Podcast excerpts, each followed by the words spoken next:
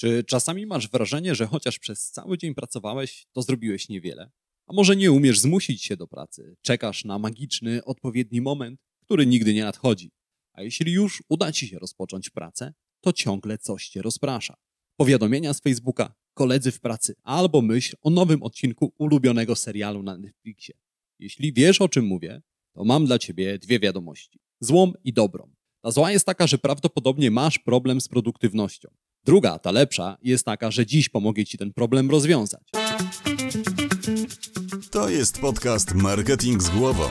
Źródło wiedzy dla przedsiębiorców, handlowców i marketerów, czyli dla osób, które chcą sprzedawać lepiej i chcą sprzedawać więcej.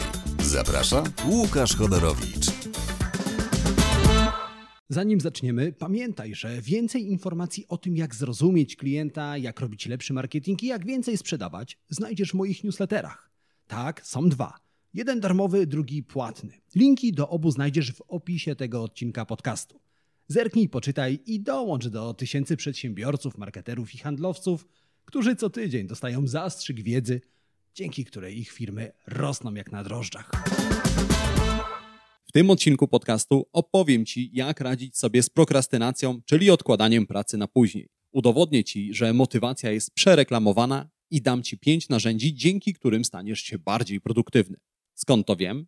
Ponieważ z tych narzędzi sam korzystam. Każde z pięciu narzędzi poprawi Twoją produktywność od kilku do kilkunastu procent. A kiedy zaczniesz z nich korzystać, to zaczną dziać się niesamowite rzeczy. Staniesz się osobą bardziej produktywną i bardziej skuteczną.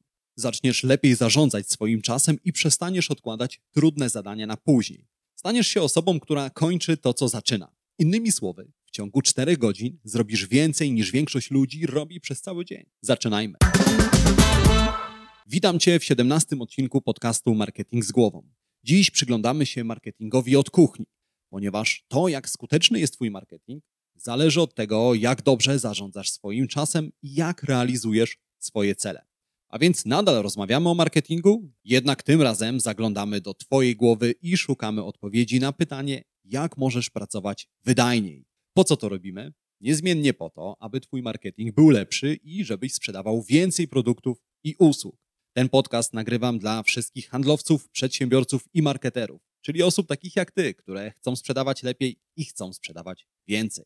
Ja nazywam się Łukasz Chodorowicz i na co dzień pomagam firmom przeciętnym stać się firmami wyjątkowymi, tworząc skuteczny marketing. Swoją wiedzę czerpię z badań na temat ekonomii behawioralnej, neuropsychologii oraz dziesięcioletniego doświadczenia w pracy z firmami takimi jak Twoja. A ponieważ dziś rozmawiamy o tym, jak robić więcej w krótszym czasie, nie przedłużam i porozmawiajmy o pierwszej strategii, czyli o prowadzeniu skrzynki z pomysłami.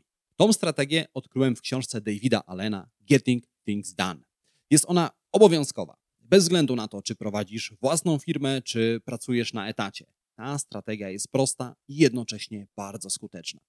Polega na zapisywaniu wszystkich myśli, pomysłów w tak zwanej skrzynce na pomysły. Skrzynką na pomysły może być notes, zwykły zeszyt lub aplikacja na smartfonie. Ja korzystam z Microsoft To Do. Zapisuję w niej absolutnie wszystko, co pojawia się w mojej głowie. Pomysły, przemyślenia, plany na przyszłość itd. Tak Następnie na koniec dnia przeglądam swoją skrzynkę z pomysłami i zastanawiam się, co trzeba zrobić z każdym pomysłem. Część pomysłów trafia na listę kluczowych planów, część traktuję jako pomysły, które być może zrealizuję za jakiś czas, a niektóre po prostu kasuję. Gdy już zdecyduję, co zrobić z określonym pomysłem, usuwam go ze skrzynki na pomysły. Staram się, aby na koniec dnia moja skrzynka była pusta i gotowa na przyjęcie kolejnej lawiny pomysłów następnego dnia. Dlaczego prowadzenie skrzynki z pomysłami jest skuteczne? George Miller prowadził badania nad pamięcią. Odkrył, że przeciętny człowiek potrafi w jednym momencie zapamiętać około siedmiu porcji informacji. Taka jest pojemność naszej pamięci krótkotrwałej. Dlatego mamy 7 cudów świata, 7 grzechów głównych, 7 dni tygodnia. 7 to optymalna liczba informacji, którą możemy zapamiętać. Co dzieje się, jeśli przeładujemy swoją pamięć krótkotrwałą? Wyobraź sobie, że bierzesz udział w eksperymencie. Naukowcy chcą sprawdzić, jak dobrze radzisz sobie z zapamiętywaniem. Przydzielono cię do jednej z dwóch grup. Ty i członkowie twojej grupy musicie zapamiętać długie liczby składające się z siedmiu i więcej cyfr na przykład 1 milion 983 823. Osoby w drugiej grupie dostały zadanie łatwiejsze. muszą zapamiętać liczby krótsze, takie jak 23 lub 11. Gdy już zapamiętałeś swoją długą liczbę, naukowiec prosi cię, abyś przeszedł długim korytarzem do drugiej sali. Tam masz zapisać swoją liczbę na kartce, o ile nadal ją pamiętasz. Jednak właściwy eksperyment rozgrywa się na długim holu. Mniej więcej w połowie drogi zaczepia cię inny naukowiec. Mówi, że w ramach udziału w badaniu możesz poczęstować się przekąskami. Do wyboru masz czekoladę lub zdrowe warzywa. Co wybierzesz? Wiemy, że lepiej odżywać się zdrowo niż obiadać słodyczami. A więc mądrze jest wybrać marchewkę lub pomidora niż czekoladę. Pewnie pomyślisz, że coś tak abstrakcyjnego jak liczby, które przechowujesz w pamięci, nie mogą wpłynąć na trafność Twojej decyzji. Jednak jesteś w błędzie. W eksperymencie 59% ludzi, którzy zapamiętywali długie liczby, wybierało słodycze. Natomiast ludzie, którzy zapamiętywali krótkie liczby, wybierali czekoladę tylko w 37% przypadków. Okazuje się, że gdy nasza pamięć krótkotrwała jest wypełniona informacjami, podejmujemy gorsze decyzje. A do czego prowadzą gorsze decyzje w kontekście produktywności? Do prokrastynacji, do niedokładnego wykonywania zadań oraz do porzucania zadań w trakcie. Natomiast kiedy regularnie przenosisz swoje pomysły do skrzynki z pomysłami, jesteś jak uczestnik eksperymentu, który musiał zapamiętać krótką liczbę. Podejmujesz lepsze decyzje i jesteś bardziej produktywny. Skrzynka z pomysłami zapobiega przeładowaniu pamięci, jednak nie pomoże ci skupić uwagi na zadaniu, nad którym prędzej czy później przyjdzie ci popracować. Tu trzeba czegoś znacznie bardziej radykalnego. Czegoś, czego nie podejmą się wszyscy. Druga strategia jest równie prosta jak poprzednia, jednak dla wielu osób okazuje się zbyt trudna. Zanim ci ją zdradzę, porozmawiajmy o tym, co rozprasza nas najbardziej. Wyobraź sobie, że pracujesz nad ważną ofertą dla klienta. Od tej oferty wiele zależy. Między innymi to, czy w tym roku spędzisz wakacje na Mauritiusie, czy w Męcikałach. Do tego zadanie jest trudne i satysfakcjonujące jak sprzątanie łazienki szczoteczką do zębów. Twój mózg aż krzyczy, żebyś zajął się czymś innym. Wtem smartfon rozbrzmiewa głośnym powiadomieniem z Facebooka. Odruchowo chwytasz telefon i dowiadujesz się, że twoja daleka kuzynka ze strony babci właśnie je na obiad spaghetti. Myślisz niesamowite i zastanawiasz się, co ty zjesz dziś na kolację. Może również makaron, a może zamówisz pizzę. Sprawdzasz, do której czynna jest twoja ulubiona restauracja, a może dowożą dania, a może pogorszyła się u nich obsługa, lepiej sprawdź opinię. Od myśli do myśli, od kliknięcia do kliknięcia i niczym się obejrzałeś, straciłeś 22 minuty. Co takiego ważnego w zasadzie robiłeś? A, ta oferta. W sumie nie jest już ona aż taka ważna, zresztą zawsze chciałeś zobaczyć, jak wygląda lato w Męcikałach. A do tego zgłodniałeś. Lepiej coś zjedz. Tak, powiadomienia to wróg produktywności. Wabią nas magicznym dźwiękiem, niczym syreny wabiły marynarzy na zgubę i zmieniają chemię w naszym mózgu. Gdy słyszymy powiadomienie o nowym mailu, o nowej wiadomości czy o nowym komentarzu na Facebooku, nasz mózg zalewa hormon zwany dopaminą. Dopamina jest zwana również hormonem nagrody i jest wysoce uzależniająca. Pojawia się, gdy uprawiamy seks, zażywamy narkotyków lub uprawiamy hazard. Jednak jeśli uważasz, że dopaminowy high pojawia się u hazardzisty w momencie, gdy ten rozbija bank, to jesteś w błędzie. Neurolog Robert Sapolski udowodnił, że najwyższy poziom dopaminy występuje w momencie oczekiwania na nagrodę. A więc gdy hazardzista wstrzymuje oddech tuż przed zatrzymaniem się kolorowych owocków na ekranie jednorękiego bandyty.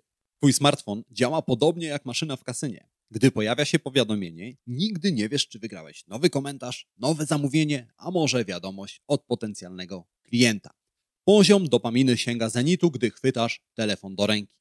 Dlatego powiadomienia są tak przyjemne i dlatego tak łatwo odciągają nas od pracy. Jest tylko jeden skuteczny sposób, który chroni przed ich wpływem. Musimy całkowicie odciąć się od powiadomień. Wiem, brzmi okropnie, ale uwierz mi, bez powiadomień da się żyć. Skoro mi się udało, to i tobie się uda. Po prostu wyłącz powiadomienia i świadomie zdecyduj, że Facebooka czy Instagram przeglądasz tylko wtedy, kiedy sam chcesz. Na przykład raz dziennie, na koniec dnia. Naprawdę nic cię nie ominie. Większość maili, które dostajesz, może poczekać, tak samo jak wiadomości na Messengerze. Gdy pracujesz, nie pozwól, aby powiadomienia miały nad tobą władzę i odciągały cię od tego, co naprawdę ważne. Ale nie tylko powiadomienia zagrażają twojej produktywności. Twój własny organizm również może ci przeszkadzać. Jednak i z tym dasz sobie radę. Kto rano wstaje, temu Pan Bóg daje. To przysłowie słyszymy przez całe życie. Chociaż jest wyśmigane jak elementarz pierwszoklasisty w ośmioosobowej rodzinie, to wiele osób wierzy w to przysłowie. Przez co hołdujemy ludziom, którzy wstają skoro świt, pełni energii i niczym supermen ze złoczyńcami rozprawiają się z każdym zadaniem, nim umyją zęby. Wychwalamy ranne ptaszki, które są rzeźkie już o piątej rano, a osobom, które o dziesiątej przewracają się na drugi bok, obrywa się. To prowadzi do tego, że wiele osób próbuje z wieczornych słów stać się porannymi skowronkami. Prawda jest jednak taka, że to, czy jesteśmy sową czy skowronkiem, czyli nasz chronotyp, uwarunkowane jest genetycznie.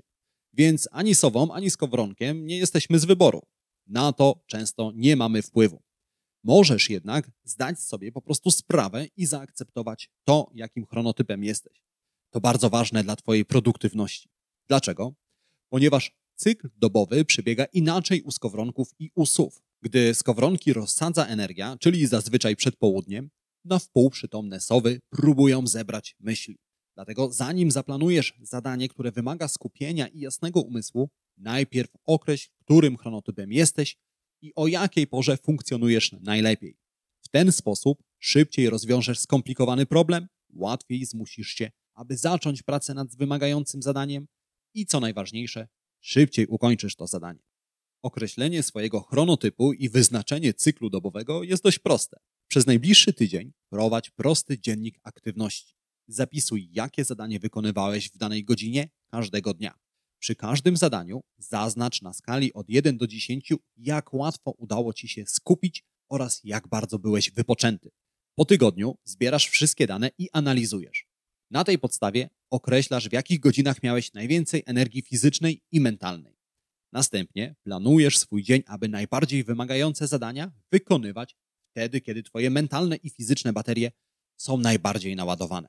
A gdy czujesz się wyczerpany, planuj zadania mniej obciążające, takie jak sprawdzanie maili, delegowanie zadań pracownikom itd. Tak Ten system sprawdza się u mnie. Ja jestem skowronkiem i najwydajniej pracuję do godziny 12.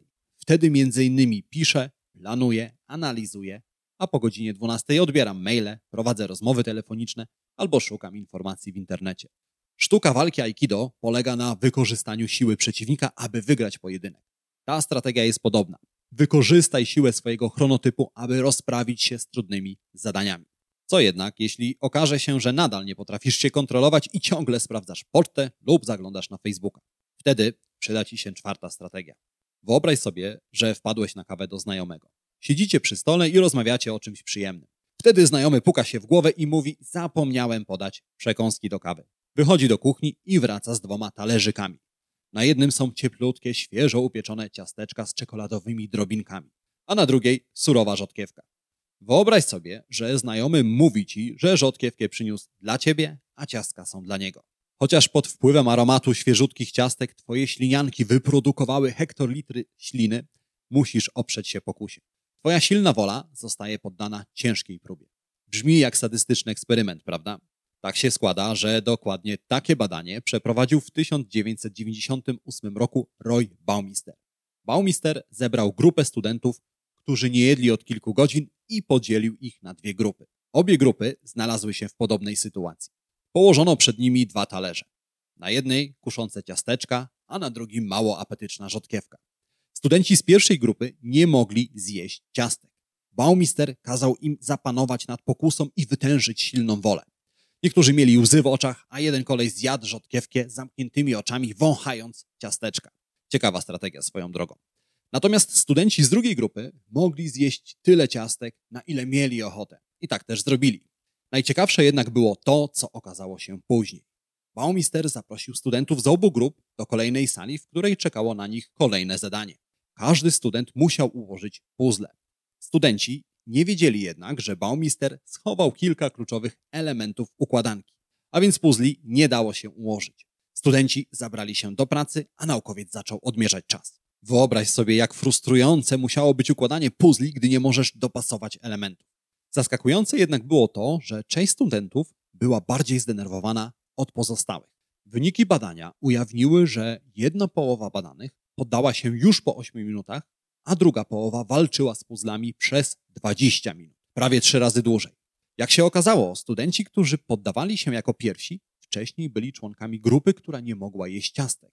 Natomiast studenci, którzy układali puzzle przez 20 minut, wcześniej należeli do grupy, która mogła jeść ciastka do woli. Zauważ, że w części eksperymentu z ciastkami oraz w części z puzzlami na próbę została wystawiona silna wola studentów. W obu przypadkach studenci musieli wykazać się dużą samokontrolą. Okazało się, że silna wola jest jak mięsień i tak samo jak mięsień męczy się, gdy jest nadwyrężana. Studenci, którzy mieli powstrzymać się przed zjedzeniem ciastek, używali mięśnia silnej woli, aby nie dać się skusić. Dlatego, gdy przyszła kolej na kolejne zadanie polegające na samokontroli, czyli układaniu trudnych puzli, ich zasoby silnej woli były wyczerpane. Dlatego szybciej rezygnowali z zadania. W odróżnieniu od studentów, którzy wcześniej mogli jeść ciastka i nie nadwyrężyli swojej silnej woli. Mięsień silnej woli u tych studentów był gotowy zmierzyć się z kolejnym zadaniem. Dlatego dłużej układali puzzle. Jeśli kiedykolwiek byłeś na diecie i po całym dniu wsuwania sałatek i tofu na koniec dnia nie umiałeś odmówić sobie serniczka, to właśnie dlatego, że mięsień silnej woli powoli się wyczerpywał. No dobrze, ale jaki to ma związek z produktywnością? Zgodzisz się ze mną, że produktywność wymaga samokontroli, prawda? A skoro wiemy, że silna wola wyczerpuje się wraz z kolejnym ciężkim zadaniem, to czy jest coś, co możemy zrobić, aby temu zapobiec? Owszem, możemy. Najpierw jednak musimy zrozumieć, dlaczego silna wola w ogóle się wyczerpuje. Silna wola, jak każdy mięsień czy inna część naszego ciała, do pracy potrzebuje energii. Jednak w naszym organizmie jest jeden organ, który jest wyjątkowo łagomy na energię. Ten organ, choć waży zaledwie 2% naszej wagi, pożera aż 20% energii. Ten organ to mózg. Przy czym mózg w kwestii zarządzania energią jest egoistą. Nie znosi dzielić się energią. Znasz to nieprzyjemne uczucie, kiedy jesteś głodny? To mózg podpowiada ci, że pozostałe części ciała chcą dobrać się do jego energii. Dlatego niektóre osoby są wręcz nie do zniesienia, gdy burczy im w brzuchu. Mózg nie znosi dzielić się energią również z silną wolą. Dlatego silnej woli mamy zazwyczaj bardzo mało i odkładamy na później zadania, które wymagają wysiłku mentalnego lub fizycznego. Napisanie artykułu, trudna rozmowa z klientem lub rozpakowanie ciężkich kartonów po przeprowadzce. W zasadzie najlepiej się czujemy, jeśli wcale nie musimy się takich zadań podejmować. Jednak jest pewien sposób, aby sobie z tym poradzić. Zastanów się przez chwilę, jak wyglądałby Twój dzień, gdybyś wybierał tylko te łatwe czynności, nie wymagające samokontroli, uwagi oraz skupienia. W zasadzie budziłbyś się, myłbyś zęby i to wszystko. A jednak codziennie robimy wiele rzeczy, które wymagają więcej samokontroli niż niezjedzenie ciastka. Wiele ludzi zmusza się, aby rano pobiegać, chodzić do prasy, która nie daje im satysfakcji, a nawet są mili dla szefa. To trudne zadania wymagają sporo energii. Jak to możliwe, że dajemy radę? Pomyśl przez chwilę o prowadzeniu samochodu. Mówi się, że kierowca musi mieć oczy z tyłu głowy, a więc jazda samochodem wymaga od kierowcy skupienia oraz samokontroli. Dlaczego więc zawodowi kierowcy potrafią siedzieć za kierownicą przez wiele godzin? Jazda samochodem rzeczywiście jest trudna i wymaga sporo wysiłku mentalnego, ale tylko na początku. Na początku jesteśmy amatorami i każdy manewr wykonujemy uważnie. Jednak z czasem stajemy się coraz lepszymi kierowcami i większość czynności robimy nawykowo. Możemy to porównać do lotu samolotem. Gdy samolot startuje, kontrolę nad maszyną ma pilot. Jednak w powietrzu pilot puszcza drążek, a kontrolę przejmuje autopilot. W naszym przypadku takim autopilotem są nawyki. Gdy wykonujemy jakąś czynność wystarczająco często, wyrabiamy sobie nawyk. Nawyk powtarzamy automatycznie. Pomyśl o myciu zębów. Założę się, że właśnie pomyślałeś o tej czynności po raz pierwszy od dłuższego czasu. Zazwyczaj, gdy myjemy zęby, oddajemy kontrolę autopilotowi. Nie marnujemy w ten sposób energii, a więc łakomy mózg daje nam zielone światło na czynności nawykowe. Wróćmy jednak do produktywności. Wiemy już, że silna wola, którą potrzebujemy w pracy, wyczerpuje się. Wiemy również, że nawyki zapobiegają wyczerpywaniu się silnej woli. A więc, aby być bardziej produktywnym, powinniśmy pracować nawykowo. Zdaję sobie sprawę, że ciężko zamienić pracę w nawyk, szczególnie jeśli praca wymaga od ciebie pewnej dozy kreatywności. Możesz jednak zrobić coś innego. Możesz stać się bardziej produktywny, jeżeli połączysz trudne zadanie z istniejącym nawykiem. Załóżmy, że dzień w pracy zaczynasz od filiżanki kawy lub słuchasz ulubionej playlisty w Spotify. Twoje zadanie jest takie. Połącz pracę z bodźcem. Bodziec to nawyk, który już masz. Stephen King zaczyna pisać o 8.30. Nalewa szklankę wody, bierze trzy łyki puszcza tą samą muzykę i siada do klawiatury. W ten sposób daje znać swojemu umysłowi, że za moment odda stery w ręce autopilota i zacznie pisać. A więc czwarta strategia produktywności polega na nawykach oraz na łączeniu pracy z istniejącymi nawykami. W tym momencie masz już kilka solidnych strategii, które sprawią, że staniesz się bardziej produktywny. Być może nawet pokusisz się, aby na listę zadań do wykonania dopisać nowe zadania. Nie rób tego. Przynajmniej jeszcze nie teraz. Zaraz przekonasz się, że robić więcej to znaczy robić mniej. Tą strategię odkryłem stosunkowo niedawno. Jako osoba, która stawia sobie poprzeczkę dość wysoko, starałem się, aby moja lista zadań na każdy dzień była długa jak lista obietnic wyborczych. Jednak coraz częściej łapałem się na tym, że wielu zadań nie kończyłem i przenosiłem je na kolejny dzień. W ten sposób moja lista rosła z dnia na dzień, a ja, chociaż miałem coraz więcej pracy, robiłem coraz mniej. Zdałem sobie sprawę, że im więcej zadań miałem do wykonania, tym trudniej było mi zdecydować, za które zadanie zabrać się. Typowy dylemat: mam tyle pracy, a nie wiem w co włożyć ręce. Taką sytuację nazywamy paraliżem decyzyjnym. O paraliżu decyzyjnym wspominałem również w poprzednim 16 odcinku podcastu Marketing z głową. Jednak przypomnę Ci, na czym to zjawisko polega. W skrócie, zazwyczaj uważamy, że im więcej mamy możliwości, tym lepiej. Jednak okazuje się, że umysł woli sytuacje, w których wybór jest prosty. Na przykład wolimy wybierać spośród czterech smaków lodów niż spośród 25 smaków. Gdy musimy porównać ze sobą 25 różnych opcji, wybór jest trudny i pojawia się paraliż decyzyjny. A paraliż decyzyjny prowadzi do prokrastynacji. Wróćmy jednak do Twojej listy zadań. Gdy masz na niej więcej niż 5 dużych zadań, może pojawić się paraliż decyzyjny i umysł zacznie szukać zajęć zastępczych, takich jak surfowanie w internecie czy przeglądanie Facebooka. Dlatego wychodzę z założenia, że lista najważniejszych zadań powinna mieścić się na żółtej, samoprzylepnej karteczce. Na takiej karteczce zazwyczaj zmieścisz co najwyżej 3-4 zadania. 3-4 zadania to dla mózgu prosty wybór. Od czasu, gdy tak robię, nie przypisuję już zadań na kolejny dzień, a często mam jeszcze energię i czas na inne ważne zadania, którymi mogę się zająć. Spróbuj sam. I w ten sposób opowiedziałem Ci o wszystkich pięciu strategiach, o których obiecałem opowiedzieć. Tak naprawdę na potrzeby tego odcinka przygotowałem 10 strategii, ale uznałem, że odcinek byłby zbyt długi. Natomiast jeżeli chciałbyś posłuchać o pozostałych pięciu strategiach, napisz mi maila na cześć małpa łukaszchodorowicz.pl albo zostaw komentarz pod tym odcinkiem. A teraz wyjątkowo pięć rzeczy, które warto zapamiętać. Pamiętaj o prowadzeniu skrzynki z pomysłami i regularnym jej opróżnianiu. Pamiętaj o tym, aby wyłączyć powiadomienia, które rozpraszają Twoją uwagę. Po trzecie, pamiętaj o tym, aby pracować nawykowo lub łączyć zadania z istniejącymi nawykami. Następnie pamiętaj o tym, żeby dostosować swój dzień pracy do własnego chronotypu. Planuj trudne zadania w tych porach, w których jesteś najbardziej produktywny. Wreszcie pamiętaj o tym, aby planować nie więcej niż 3-4 ważne zadania dziennie. Jak zwykle, dziękuję Ci za Twoją uwagę i za to, że słuchasz lub oglądasz. Jeżeli dziś dowiedziałeś lub dowiedziałaś się czegoś nowego, zostaw komentarz, polub ten odcinek. A jeżeli znasz kogoś, komu ta wiedza również może się przydać, udostępnij podcast dalej. Dzielmy się wiedzą. My, jak zwykle, słyszymy się za kilka dni w kolejnym odcinku podcastu Marketing z głową. A tymczasem życzę Ci udanego dnia, udanego tygodnia i wszystkiego dobrego. Do usłyszenia. Cześć.